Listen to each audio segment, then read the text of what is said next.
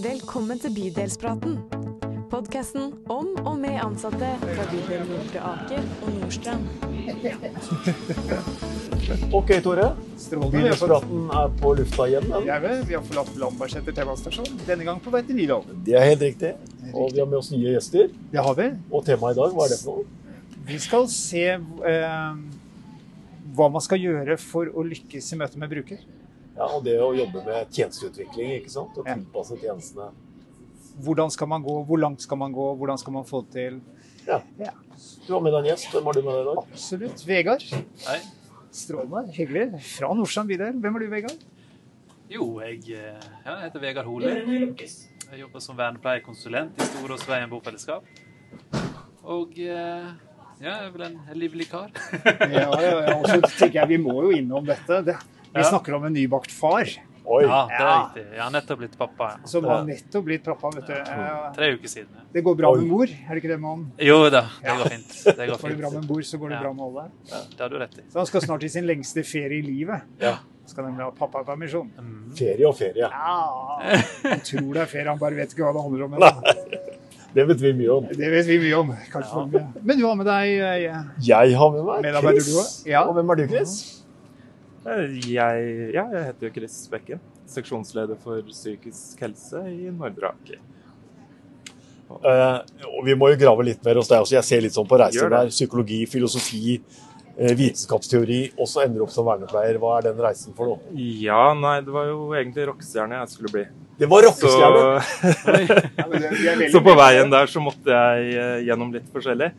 Og eh, da begynte vi med filosofi og fortsatte med psykologi. Og parallelt med den drømmen da, så jobba jeg jo med utviklingshemmede i en bolig. Og eh, så tenkte jeg nå er det kanskje på tide å ta en ordentlig utdanning. Da ble jeg vernepleier. Så eh, ja, og fra 2010 så har jeg jobba i Nordre Aker. Og det, det har jeg gjort i ti år nå.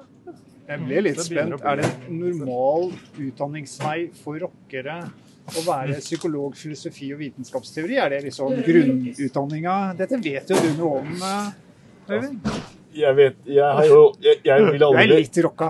Jeg ville liksom bli jazzrockstjerne, og det er enda vanskeligere. Ja, så du måtte legge noe til her på dette her? Ikke noe til. Men, okay. men jeg, jeg, det slår meg da at det er ganske mange Vi skal ikke snakke om det, det, skal, det er en annen podkast. Det kan du Men lage at det er ganske mange musikere som velger den veien som du har også gjort, Chris, av en eller annen merkelig grunn. For det, eller kanskje fordi dere har det, musikere har et stort hjerte, eller Men eh, jeg tror du er helt rett, det, fordi jeg ser ofte i mange boliger og i tjenestene så er det folk som har drevet med enten kunst eller musikk eller andre kreative Ja, Kanskje det er en kreative varhet? former. At man, man senser noe og ser at OK, vi må gjøre noe for folk. varhet, er samspill, musikk. Ja. ja. følsomhet.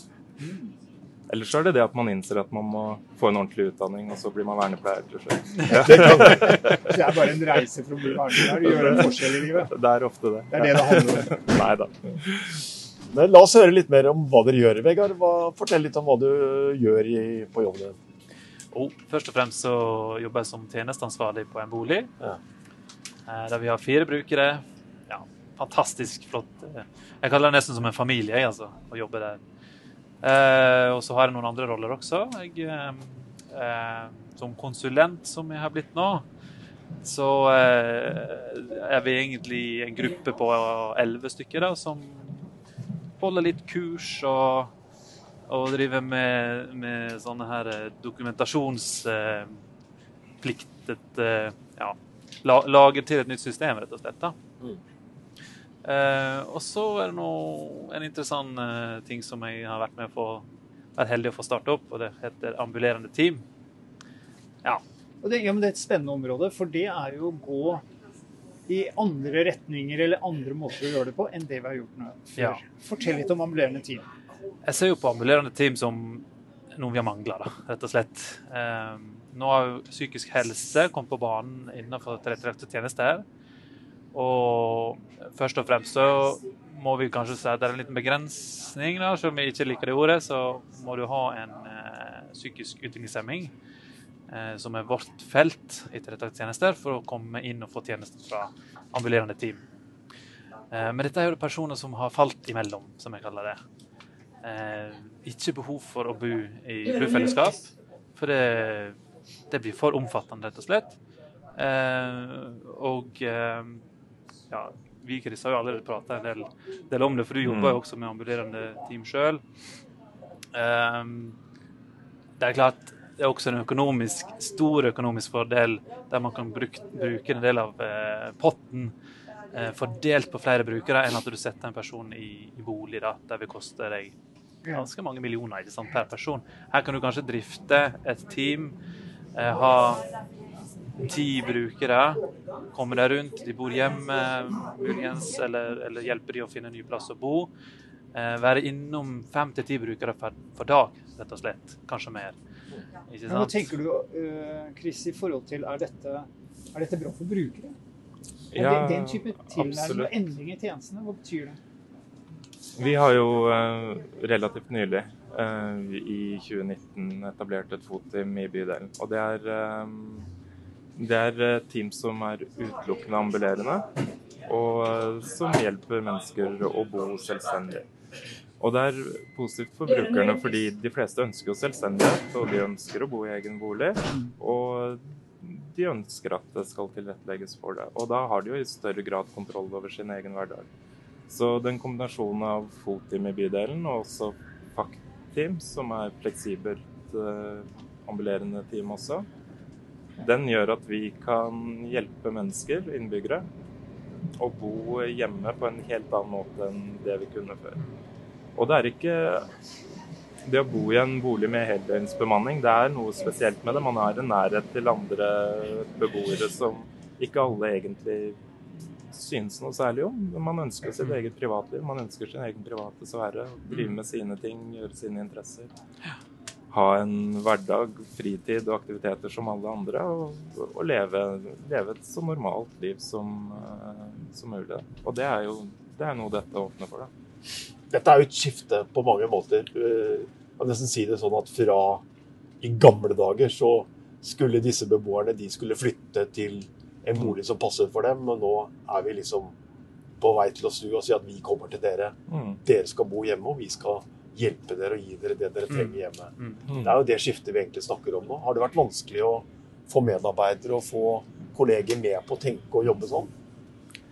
Nei, det er nok, eh, det er nok litt Eh, kultur for eh, tanken om at det tryggeste og det beste tilbudet er i en bolig hvor man har øynene på, øynene på seg selv, eller øyne på en person hele veien. Men jeg tenker at det stemmer ikke, forutsatt at de personene som følger opp, er faglig dyktige.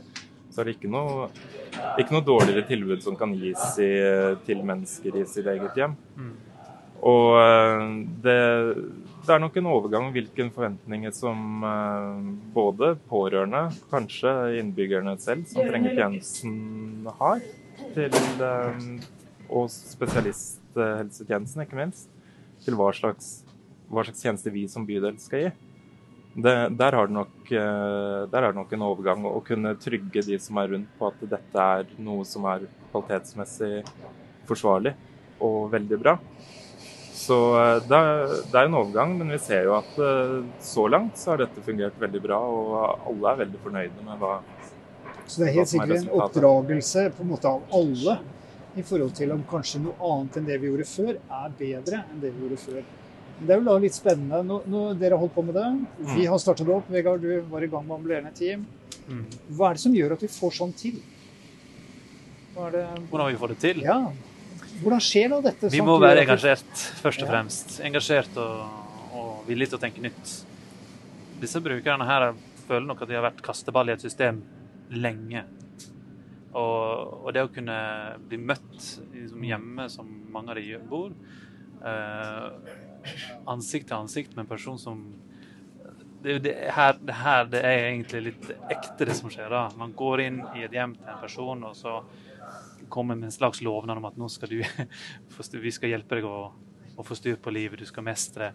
Eh, det er forskjell på meg og Chris er jo han som er i psykisk helse. Eh, vi har litt forskjellige brukergrupper.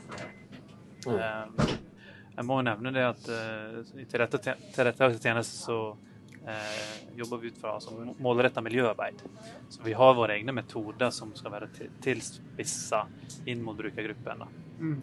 Eh, men hvordan vi skal få det til, ja. Eh, nå er først og fremst kartlegging. Eh, jeg reiser rundt, rett og slett. Eh, jeg jobber tett med de på staben eller i administrasjonen som får inn søknader. Dette her er jo personer som har gjerne fått avslag på søknad om, om bolig, fordi de, ja, de faller litt utafor kriteriene for at nei, du er godt, for godt fungerende, du må bo hjemme eller finne deg en egen plass å bo mm. Eh, og ha en støttekontakt. Det har liksom vært vår måte til nå, da, ikke sant? Det holder jo ikke. Det ser at det går igjen. Og faren her er at eh, Ja, de pårørende du, du, skal ha en sønn hjemme til han er 25 år. Nei, du blir jo lei. Må, altså Ikke fordi du er lei av din sønn, Nei. men du skal jo leve livet ditt videre. Ja, Det er krevende du, å stå i. Det er veldig krevende. Du skal mm. jo pensjonere deg igjen. Og, og, så kommer du til den alderen der du ikke klarer rett og slett mm. å ivareta sønnen din lenger. Og da blir han ja, fælt å si det, men sparka på gata. Mm. Og da er det rett inn i en bolig. Mm. Ser du? Så da er det ingenting imellom. Så det er å hjelpe til i disse overgangene, og kanskje Komme i god tid før ja. disse overgangene. Du, Chris, du har vært noe inne på at det må være noen rammer for å lykkes med dette. Ja, jeg tenker jo at uh, uh, i forhold til det som sies her, at det må være en helhetstankegang også. At Ehm, det er ikke bare å, å, sette i gang en ambulant team og så tenke at det skal løse alle problemene. fordi det er jo veldig mange andre arenaer og andre bruker, eller mennesker med andre typer behov mm. som vi skal ivareta også.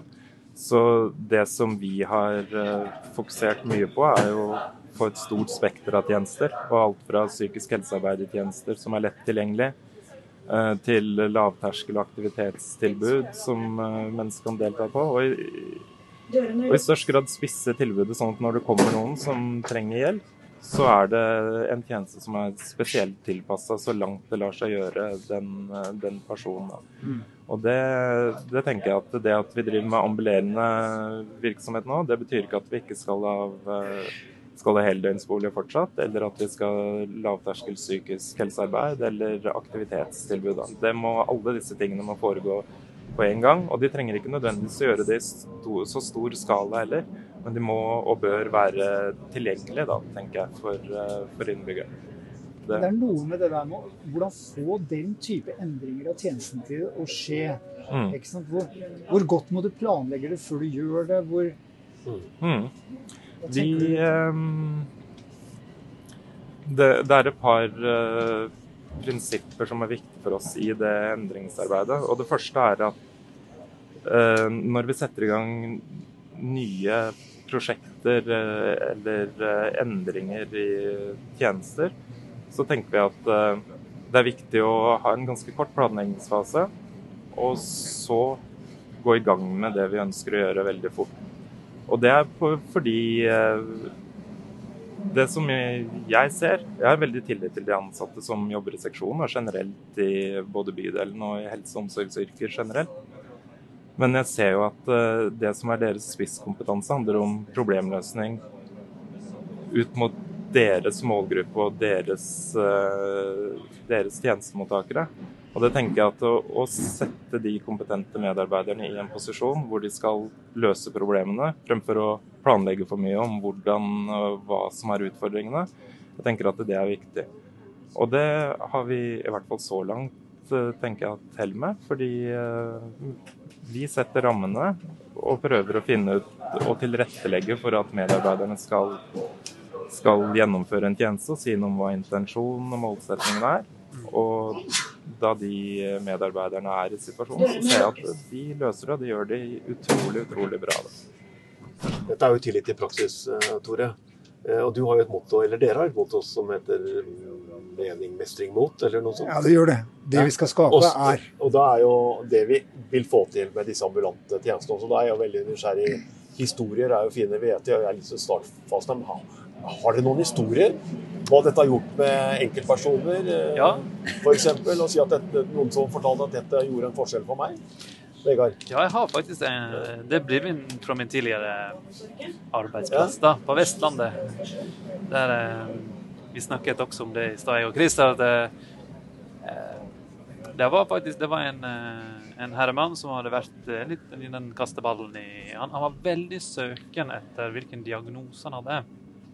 Han var så festa på det at, eh, at, han egentlig ikke helt ville gjøre noe med livet sitt før han fant det ut. Og jeg kom i kontakt med psykisk helse, som ville ha hjelp fra meg som vernepleier, og lurte på kan du gjøre noe her.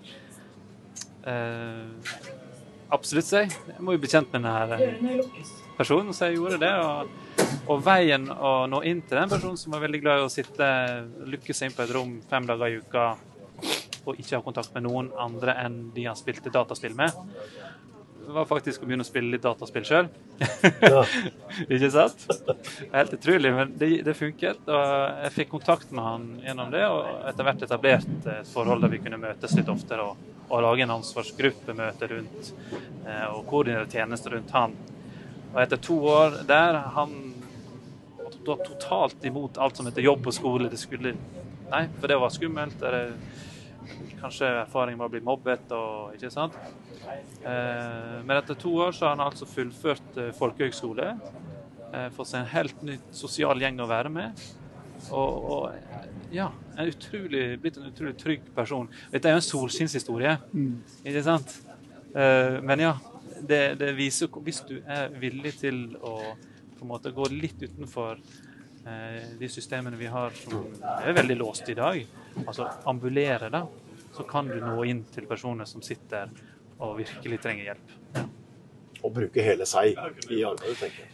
Ja, og, og, i det være ganske vågal, da, gjøre ting som er annerledes. Og, så, og da blir det solskinnshistorier også.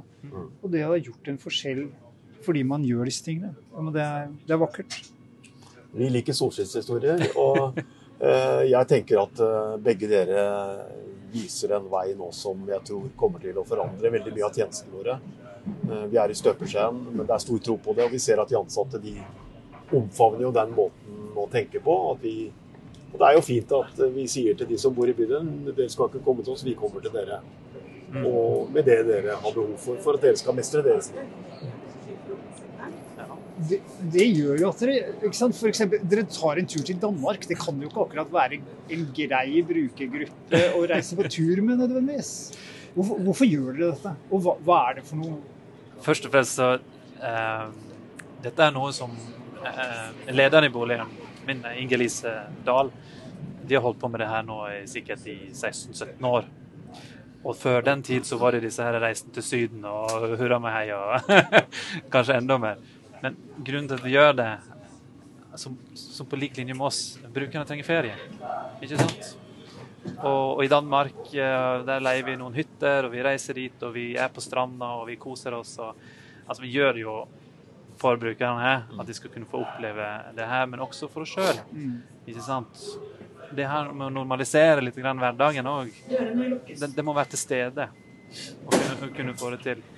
Så om det er krevende, ja, det er det.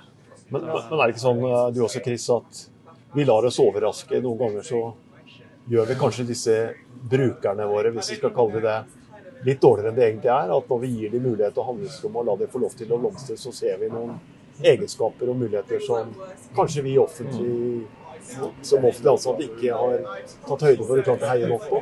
Mm. Nå tenker jeg, ja, fordi nå er det jo kanskje litt inne på den empowerment-tilnærmingen, tenker jeg. At én uh, ting er å normalisere hverdagen og, og, gi muligheter til å leve liv som alle andre, men det handler også om å kunne være en agent og endre sitt eget liv. Og uh, ja. Og, og rett, og, rett og slett skape skape noe, ikke bare ikke bare delta. Men hva betyr litt den Hva kalte du det? Empowerment? Empowerment Det kjente ordet myndiggjøring, er det ikke det?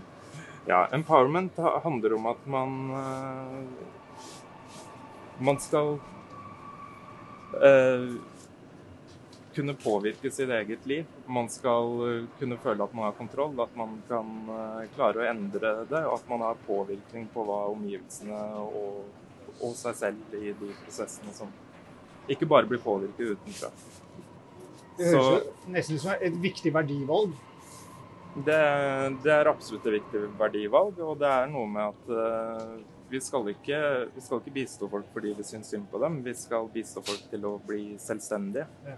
Og kunne påvirke, påvirke, sin egen skjebne. Og det er jo Til slutt så ønsker vi jo vi at vi skal være overflødige. Vi skal gjøre folk så friske som mulig og så kompetente som mulig til å ta et riktig valg i sin egen liv. Så um, det, ja, det er grunntanken. Brukersyn, menneskesyn, kollegasyn, det er jo noe vi gjerne skulle ha smitta rundt overalt. Det er riktig. Hva tenker, du, hva tenker du? Hvordan skal vi få dette til å være en del av hele bydelen? Og alt vi holder på med, hvordan skal vi få mer av dette? Ja, jeg synes jo dette er en bra start. Og for jeg tror, jeg tror veldig mange medarbeidere ønsker, å, ønsker, at man skal bli sett i forhold til hva man driver med og hvordan man jobber. Og jeg tror det er inspirerende for mange. Mm. Og, og kjenner at uh, ja, Men, kjenne som, at det de gjør, uh, blir anerkjent. Og så det er én måte vi kan få mer av det på. Og det å få møte deg, da, Chris, som, som jobber i det ambulante teamet som du har, og høre litt om oppbyggingen av det.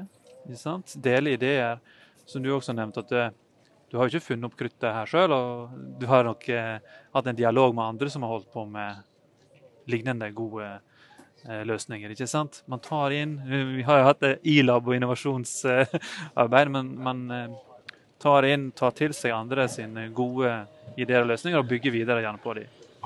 Så jeg, jeg, føler jo det her er fantastisk. Jeg få prate med Chris om, om, om, det jeg føler jeg mangler litt nå. Litt som strukturen i Det er så ferskt for oss.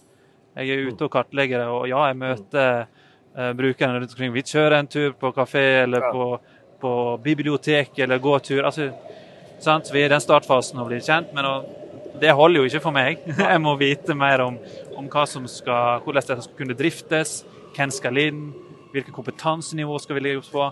Der er jo du, Chris, allerede kommet godt på vei. Da. Så. Så spennende. Så da er det Lære av hverandre. Lære av hverandre. Og jeg tror kanskje også det dukker opp noe krutt. Og så er det jo litt morsomt med den podkasten i dag, Tore. Vi starta med rockestjerne.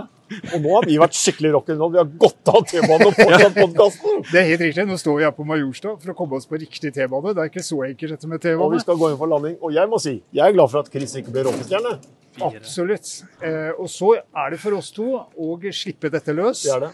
La folk bli inspirert, og litt som Chris var inne på, nemlig å ta folk på fersken og gjøre noe bra. Anerkjenne. Ja, ja. Og da er en podkast en god måte å gjøre det på. Vi tar det flere podkaster og ønsker velkommen til det. Det gjør vi. Vi sier takk for i dag. Det gjør vi. Hjertelig takk skal dere ha. Takk skal dere ha. Takk, takk. Hei.